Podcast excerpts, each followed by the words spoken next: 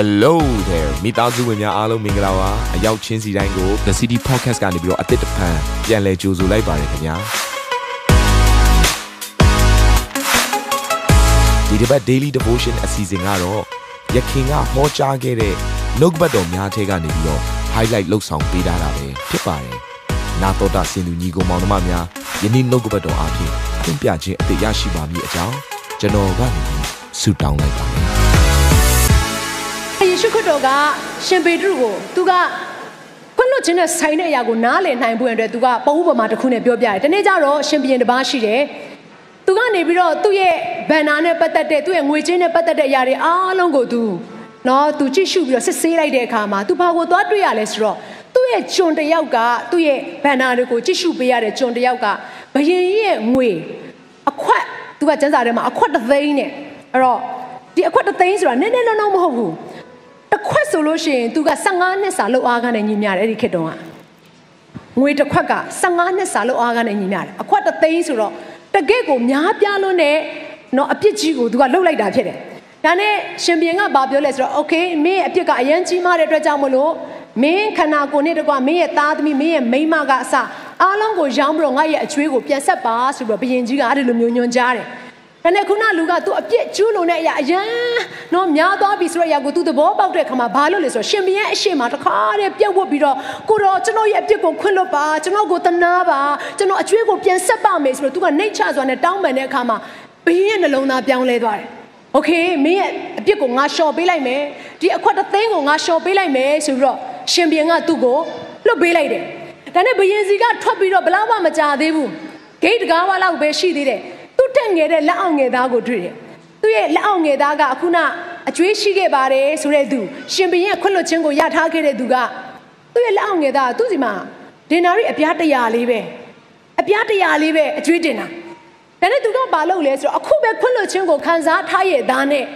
တစ်ဖက်မှာရှိတဲ့သူကိုကျင်နာမလားတစ်ဖက်မှာရှိတဲ့သူကို तू စာနာမလားဆိုတဲ့အရာကိုကြည့်လိုက်တဲ့အခါမမစာနာဘူး तू ဘာလုပ်လဲဆိုတော့အခုနောက်လူရဲ့လေဘင်းကို तू ညှက်တယ် ပြီးတော့သူဘာပြောလဲဆိုတော့ငါရဲ့ဒင်နာရီအပြားတရားကိုအခုချက်ချင်းပြန်ဆက်နော်မင်းမဆက်နိုင်ဘူးဆိုရင်မင်းကနော်ထောင်ထဲမှာချမယ်လို့ပြောတဲ့အခါမှာအခုနလူကဘာပြန်ပြောလဲဆိုတော့သူ့ရဲ့နော်လက်အောင်ငယ်သားကတောင်းမမာတယ်သခင်ရဲ့တောင်းမမာတယ်ကျွန်တော်ကိုခွင့်လွှတ်ပေးပါကျွန်တော်အကျွေးပြန်ဆက်ပါမယ်ဆိုပြီးတော့ငိုကြီးချမ်းမနဲ့သူတောင်းမယ်မိမဲ့လေသူ့သခင်ကဘာလုပ်လဲဆိုခွင့်မလွတ်ဘဲနဲ့ထောင်ထဲမှာထားလိုက်တယ်အမှန်တော့အကျွေးများဆိုတာခွင့်လွတ်ခြင်းခံထားခဲ့ရတဲ့သူကအကျွေးနည်းနည်းလေးပဲရှိတဲ့သူကိုခွင့်မလွတ်သင့်ဘူးလား ခွင့်လွတ်တဲ့တယ်အဲဒီနေ့ကျတော့ကျွန်မခွင့်လွတ်ခြင်းနဲ့ဆိုင်တဲ့အရာတစ်ခုကိုကျွန်မ online ပေါ်မှာတင်တဲ့အခါမှာကျွန်မချစ်ရတဲ့ညီမတယောက်ကကျွန်မကိုစာပို့တယ်။ကျွန်မရဲ့တဲ့အချိန်ဖန်များစွာကျွန်မခွင့်လွတ်လာတဲ့အတွက်ကြောင့်မလို့ခွင့်လွတ်ခြင်းဆိုတာဘာလဲတောင်ကျွန်မမသိတော့ပါဘူးတဲ့။သူတို့ကိုတခါတည်းမမြင်ချင်တော့တဲ့အဆင့်ထိသူတို့ကိုစကားမပြောချင်တော့တဲ့အဆင့်ထိဖြစ်လာပါပြီဆရာမရဲ့လို့သူကကျွန်မကိုပြောတယ်။ဒါနဲ့ကျွန်မကသူ့ကိုဘာပြန်ပြောလဲဆိုတော့ तू လှုပ်ထားတဲ့အပြစ်ကိုမလှုပ်ဖူးတဲ့အတွက်ကြောင့်မလို့ ကိုကိုကိုတိတ်မှန်နေတယ်လို့ထင်နေမိတာပါလို့သူလှုပ်ထားတဲ့အပြစ်မျိုးကိုလှုပ်ဖူးတယ်ဆိုလို့ရှိရင်သူ့ရဲ့နေရာကိုကိုချင်းစာတက်လာလိမ့်မယ်နောက်တစ်ချက်ကလို့သူ့အပြစ်ကကို့အပြစ်ထက်နော်ပို့ပြီးတော့ကြီးနေတယ်လို့ထင်တဲ့အတွက်ကြောင့်မလို့သူ့ကိုခွင့်မလွတ်နိုင်တာပါလို့ဒါပေမဲ့ဖခင်အရှိမကြည့်မယ်ဆိုလို့ရှိရင်လို့ကိုယ့်ရဲ့အပြစ်ကသူ့ရဲ့အပြစ်နဲ့အတူတူပဲလို့အပြစ်လို့ပြောလိုက်ပြီဆိုလို့ရှိရင် ကိုကကိုယ်စံချိန်နဲ့တိုင်းပြီးတော့မှဒီအပြစ်ကတော့သေးတယ်ဒီအပြစ်ကတော့ကြီးတယ်ဆိုပြီးတော့တစ်ခါတလေစဉ်းစားတတ်ကြတယ်လို့ဒါပေမဲ့ဖခင်ရဲ့အရှိမကြတော့မမျှတတဲ့အရာတွေဖခင်ရဲ့အရှိမတယောက်နဲ့တယောက်အနိုင်ကျင့်တဲ့အရာတွေဖခင်ရဲ့အရှိမတယောက်ကိုတယောက်နော်စိတ်လုံးတွေကမကောင်းကြံတဲ့အရာတွေအတွေးခေါ်တွေကပြစ်မှားတဲ့အရာတွေအားလုံးကလည်းရှိနေသေးတာပဲမဟုတ်ဘူးလားတော့အာမင်ဒါကြောင့်ကျွန်တော်တို့အသက်တာကိုကျွန်တော်တို့ပြန်စဉ်းစားလိုက်မယ်ဆိုရင်တစ်ဖက်မှာရှိတဲ့သူရဲ့အပြစ်ထက်ကိုယ့်ရဲ့အသက်တာထဲမှာဘလောက်အထိဘုရားအရှင်မှာအပြစ်ကျူးလွန်တယ်လဲဆိုတဲ့အရာကိုပြန်စဉ်းစားဆင်ခြင်ဖို့နေဖြစ်တယ် ကိုအပြစ်ကိုကိုမမြင်တတ်ဘူးဆိုရင်လို့တစ်ဖက်မှာရှိရသူရဲ့အပြစ်ကိုခွင့်လွတ်တတ်မှာမဟုတ်ကိုကိုကိုသူတော်ကောင်းလို့ထင်နေရဆိုတစ်ဖက်မှာရှိရသူရဲ့အပြစ်ကိုခွင့်လွတ်တတ်မှာမဟုတ်ကိုကသူတစ်ပါးတဲ့ကောင်းမှုကိုပြုလုပ်နိုင်တယ်လို့ထင်နေလို့ရှင်သူတစ်ပါးရဲ့အပြစ်ကိုခွင့်လွတ်နိုင်မှာမဟုတ်ဘူးလို့အာမင်အဲ့ဒါတခါတည်းကျွန်တော်တို့လူတက်တဲ့သူတွေကိုမုန်းကြရင်မုန်းကြပါလိမ့်မယ်မှန်ပါတယ်မုန်းတဲ့နာပေါ့ကျမရဲ့နော်သားသမီးတယောက်ယောက်ကိုကျမကျမရဲ့ချစ်ရတဲ့သူတယောက်ယောက်ကိုလာပြီးတော့ထိခိုက်မယ်ဆိုရင် ကျမတို့မုန်းတတ်ကြဒါပေမဲ့ယေရှုခရစ်တော်ပြောတဲ့နော်စံချိန်ကပိုထိလက်ရောက်သွားပြီးတော့တတ်လိုက်မှပဲလူတက်တာမဟုတ်ဘူးတဲ့မိမိညီအကိုကိုအထောက်ပတံမုန်းတယ်ဆိုအဲ့ဒါတက်ပြီးပြီတဲ့တနည်းအားဖြင့်ခွင့်မလွတ်နိုင်ဘူးလို့ကိုနှလုံးသားထဲမှာရှိသွားပြီဆိုအဲ့ဒါဘာဖြစ်ပြီးသွားပြီလဲတက်ပြီးပြီဘေးနားမှာရှဲသူကိုပြောလူဘယ်နှယောက်တက်ပြီးပြီလဲ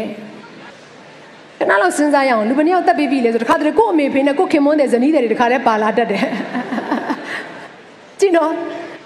ဒါကြောင့်မလို့ဖခင်ရဲ့တရားသဘောနဲ့ကျမတို့ချင့်ချိန်ပြီးတော့ကြည့်မယ်ဆိုရင်ကိုဟာအပြစ်အများဆုံးသောသူဖြစ်တယ်ဆိုတဲ့အရာကိုထင်ဟပ်စေတယ်ညီကောင်မမများအဲ့တော့ဖခင်ကဘာပြောလဲဆိုတော့မာကုခရစ်ခန်းကြီး7ခန်းငယ်25ကနေ26ကိုရောက်လာတဲ့အခါမှာဒီလိုပြောထားတယ်အတူတူကဖတ်ရအောင်သင်တို့သည်ဆွတောင်းသောအခါသူတစ်ပါး၌အပြစ်တင်ခွင့်ရှိလျင်သူ့အပြစ်ကိုလွတ်ကြလော့လွတ်လျင်ကောင်းကင်ဘုံ၌ရှိတော်မူသောသင်တို့အဘသည်သင်တို့ရဲ့အပြစ်ကိုလွတ်တော်မူမည် သင်တို့သည်သူ့အပြစ်ကိုမလွတ်လျင်ကောင်းကင်ဘုံ၌ရှိတော်မူသောသင်တို့အဘသည်သင်တို့၏အပြစ်ကိုလွတ်တော်မူမူဟုမိန့်တော်မူ၏အာမင်အဲ့တော့ဘုရားသခင်ကသင်ကိုဒေရိုစကားပြောနေပါတယ်ကိုဘေးနားမှာရှိတဲ့သူရဲ့အပြစ်ကိုကိုခွင့်လွတ်ဖွင့်ရအတွက်တောင်းနှင်းနေမယ်ဆိုရင်ဒီနေ့ဘုရားခင်ကလည်းသင်ရဲ့အပြစ်ကိုခွင့်လွတ်ပေးလို့မရပါဘူးအာမင်ဒါကြောင့်မလို့ကောင်းကင်ဘုံကနေပြီးတော့ခွင့်လွတ်ခြင်းကိုသင်ရခြင်းနဲ့ဆိုလို့ရှိရင်မြေကြီးပေါ်မှာအခုကတည်းကခွင့်လွတ်ဖွင့်ရအတွက်ဖြစ်တယ် ဘာဖြစ်လို့လဲဆိုတော့ခွင့်လွတ်ပေးလိုက်တဲ့အခါမှာကျွန်တော်တို့ရဲ့အသက်တာထဲမှာတာ၍လွတ်မြောက်ခြင်းကိုခံစားရတယ်ကိုကခွင့်လွတ်ပေးတဲ့အတိုင်းအတာများလေလေတာ၍ကိုယ့်ရဲ့ဘဝကလွတ်မြောက်လေလေပဲအဲ့တော့ဘာဖြစ်လို့ကျမဒီအရာကိုပြောသလဲဆိုတော့တခါတည်းကျမတို့ကလူတစ်ဖက်သားကငါဘယ်တော့မှခွင့်မလွတ်ပေးဘူးဆိုတဲ့အရာကဘာနဲ့သွားတူတယ်လဲဆိုတော့အစိတ်ကိုတောက်ပြီးတော့တစ်ဖက်မှာရှဲလူသေပါစေလို့ပြောတာနဲ့တူတယ်အစိတ်တောက်ထားတဲ့ခွင့်မလွတ်နိုင်ခြင်းဆိုတဲ့အစိတ်ကိုအထဲထဲမှာထည့်ထားတဲ့သူကခံရ မယ့်သူကသူပဲဖြစ်တယ်တစ်ဖက်ကလူကခံရမှာမဟုတ်ဘူးဒါကြောင့်ညီကောင်မတယောက်ချင်းစတိုင်းဒီနေ့တဲ့ရတတထဲမှာခွင့်မလွတ်နိုင်ခြင်းနဲ့ဆိုင်တဲ့အရာတွေရှိရင်ဒီနေ့ပဲအမြင့်ဖြစ်အောင်အာမင်အဲ့ဒီချိန်ချင်းအမင်္ဂလာအဲ့ဒီဆိုးရွားတဲ့အရာကိုကျွန်တော်တို့အသက်တာထဲကထုတ်ချင်တဲ့ဆန္ဒရှိလိုက်ပါသင်ထုတ်ချင်တဲ့ဆန္ဒရှိလိုက်ပြီဆိုတာနဲ့သင်ကတဝက်လွတ်မြောက်နေပြီ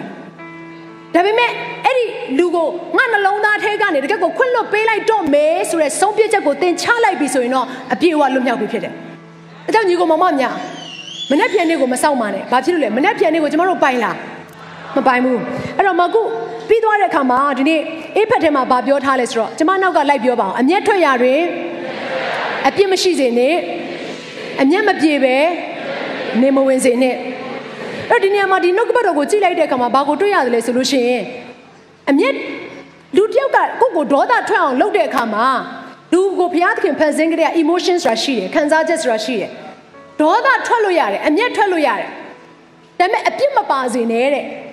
ဆိုလိုတဲ့အရာကအဲ့ဒီလူကိုငါတစ်သက်လုံးခွင့်မလွတ်ဘူးအဲ့ဒီလူကိုငါလက်တုံပြန်မယ်ဆိုတဲ့အရာကကြတော့အပြစ်ပါသွားပြီနားလည်လားမသိဘူးငါလက်တုံပြန်မယ်ဆိုတဲ့စိတ်ထားရှိနေပြီဆိုရင်တော့အဲ့ကဘာကိုပြောနေရဆိုတင်အပြစ်ပါတဲ့အမျက်ဒေါသဖြစ်သွားပြီဘုရားသခင်ကတင်ကိုအဲ့လောက်ထိအမျက်မထွက်စေခြင်းဘူး ထွက်လို့တော့ရတယ်ဒါပေမဲ့လူတစ်ဖက်သားကိုပြန်လဲပြီးတော့နာကျင်စေခြင်းနဲ့လက်စားချေစေခြင်းနဲ့အရာမျိုးတော့ဘုရားသခင်မရှိစေခြင်းဘူးအဲ့တော့အမျက်မပြေပဲနေမဝင်စေနဲ့တဲ့အဲ့တော့ဒီအရာလေးကိုတော့တရားဟောဆရာတော်တော်များများကဘလို့ရှင်းပြလဲဆိုတော့အော်မအိတ်ခင်တော့အဲ့ဒီလူကိုခွင့်လွတ်ပေးပေါ်နဲ့နေပြင်ဆင်လိုက်ပါလို့ပြောတဲ့အရာလေးတွေရှိကြတယ်ဒါပေမဲ့နေဝင်သွားတယ်ဆိုတဲ့အရာကိုနောက်ထပ်ပုံဥပမာတစ်ခုနဲ့ပြောပြမယ်ကျွန်တော်တို့ဒီလောကထွက်သွားပြီဆိုရင်အဲ့ဒါနေဝင်သွားပြီအသက်ကုန်ဆုံးသွားပြီဆိုဘာဖြစ်သွားပြီလဲ နေဝင်သွားပြီဟုတ်လားဒီလိုသုံးနှုံးကြသလားသုံးနှုံးတယ်အဲ့တော့ဒီနေရာမှာဘုရားပြောချင်တဲ့နောက်ထပ်တစ်ခုရှိတယ်မသေးခင်ခွင့်လွတ်စရာရှိတာကိုခွင့်လွတ်သွားကြမဟုတ်ရင်ကောင်းကင်ဘုံမှာဘုရားသခင်နဲ့တင်နေရှင်းရအောင်ဘာဖြစ်လို့လဲခရစ်တော်ရဲ့တရားပလင်စီရင်ခြင်းဆိုတာရှိနေသေးတယ်တင်တို့ပြောသမျှအရာခတ်သိမ့်တဲ့ဘုရားသခင်ပြန်လဲပြီးတော့တရားစီရင်မဲတဲ့အဲ့တော့တချို့ကိစ္စတွေကမြေကြီးပေါ်မှာလုံရင်ပြီးတယ်ဒါပေမဲ့ကောင်းကင်ဘုံအထိသင်ယူသွားခြင်းနဲ့ဆိုရင်လည်းသင်သဘောပဲ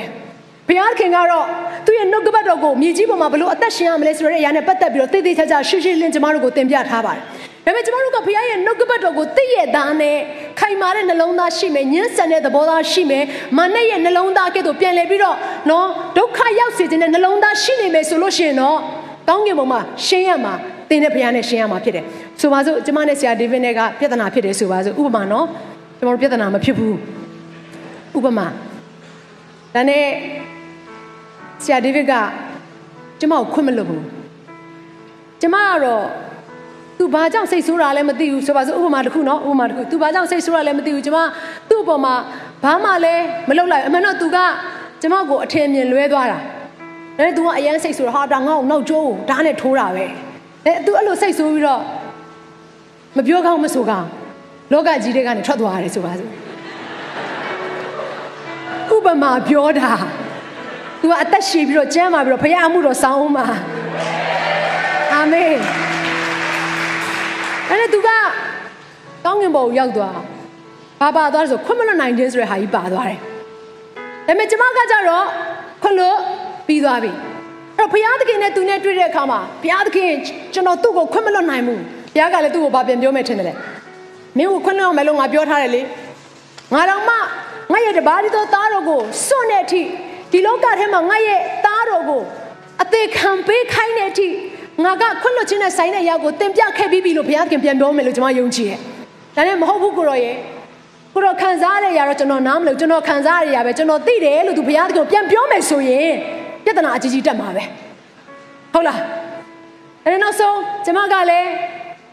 အချိန်တက်လို့ခေါ်တော်မူခြင်းခံစားရတယ်ဆိုပါစို့ကောင်းကင်ဘုံမှာနှစ်ယောက်ဆုံကြတယ်ဘုရားရဲ့ရှေ့မှာမတ်တရက်ကြတယ်ကဲဟုတ်ပြီ နေမကျင်တဲ့သူနေအနားကိုရောက်လာပြီအဲ့ဒါကျွန်မကသူ့ရဲ့ဘေးနားကိုရောက်သွားတဲ့ခါမှာကျွန်မကဘာမှချီနှောင်ထားတာမရှိတော့ကျွန်မကအေးအေးဆေးဆေးဟာငါငါမသိလိုက်ဘူးငါမောင်လေးရဲ့ငါတို့မလုပ်ခဲ့ပါဘူးငါအဲ့လိုမျိုးမဟုတ်ဘူးရှင်းပြရင်သူကဘုရားရှေ့မှာအပြစ်တင်မှာဘာဖြစ်လို့လဲသူကချီနှောင်ခဲ့လို့ဘုရားခင်ကကောင်းကင်ဘုံရောက်တဲ့အခါမှာတရားစီရင်ခြင်းဆိုတာရှိသေးတယ်တရားစီရင်ခြင်းတော့ကြောက်စရာသိကောင်းတယ် ထာဝရနဲ့ဆိုင်တဲ့စီရင်ခြင်းတစ်ခုခုတင်တည့်ရဲ့တတ်တာထဲမှာတက်ရောက်မှာဖြစ်တယ်ဒါကြောင့်မလို့ထာဝရနဲ့ဆိုင်တဲ့ကောင်းကြီးကိုလိုချင်မြေကြီးပေါ်မှာတွေကတခါတည်းယူသွားရတယ်အာမင်တချို့အရာတွေကမြေကြီးပေါ်မှာရှင်ပြီးသွားမဲ့အရာတွေရှိတယ်ဒါပေမဲ့သင်ကဟာမဟုတ်ဘူးဒါဒါကငါရဲ့နော်အလိုဆန္ဒဒါကငါရဲ့မာနဒါငါမှန်နေတင်တဲ့ငါရဲ့ right လို့သင်စဉ်းစားနေမယ်ဆိုရင်ဖျားရှိရောက်ရင်ဆက်ရှင်းလိုက်အောင်အဲ့တော့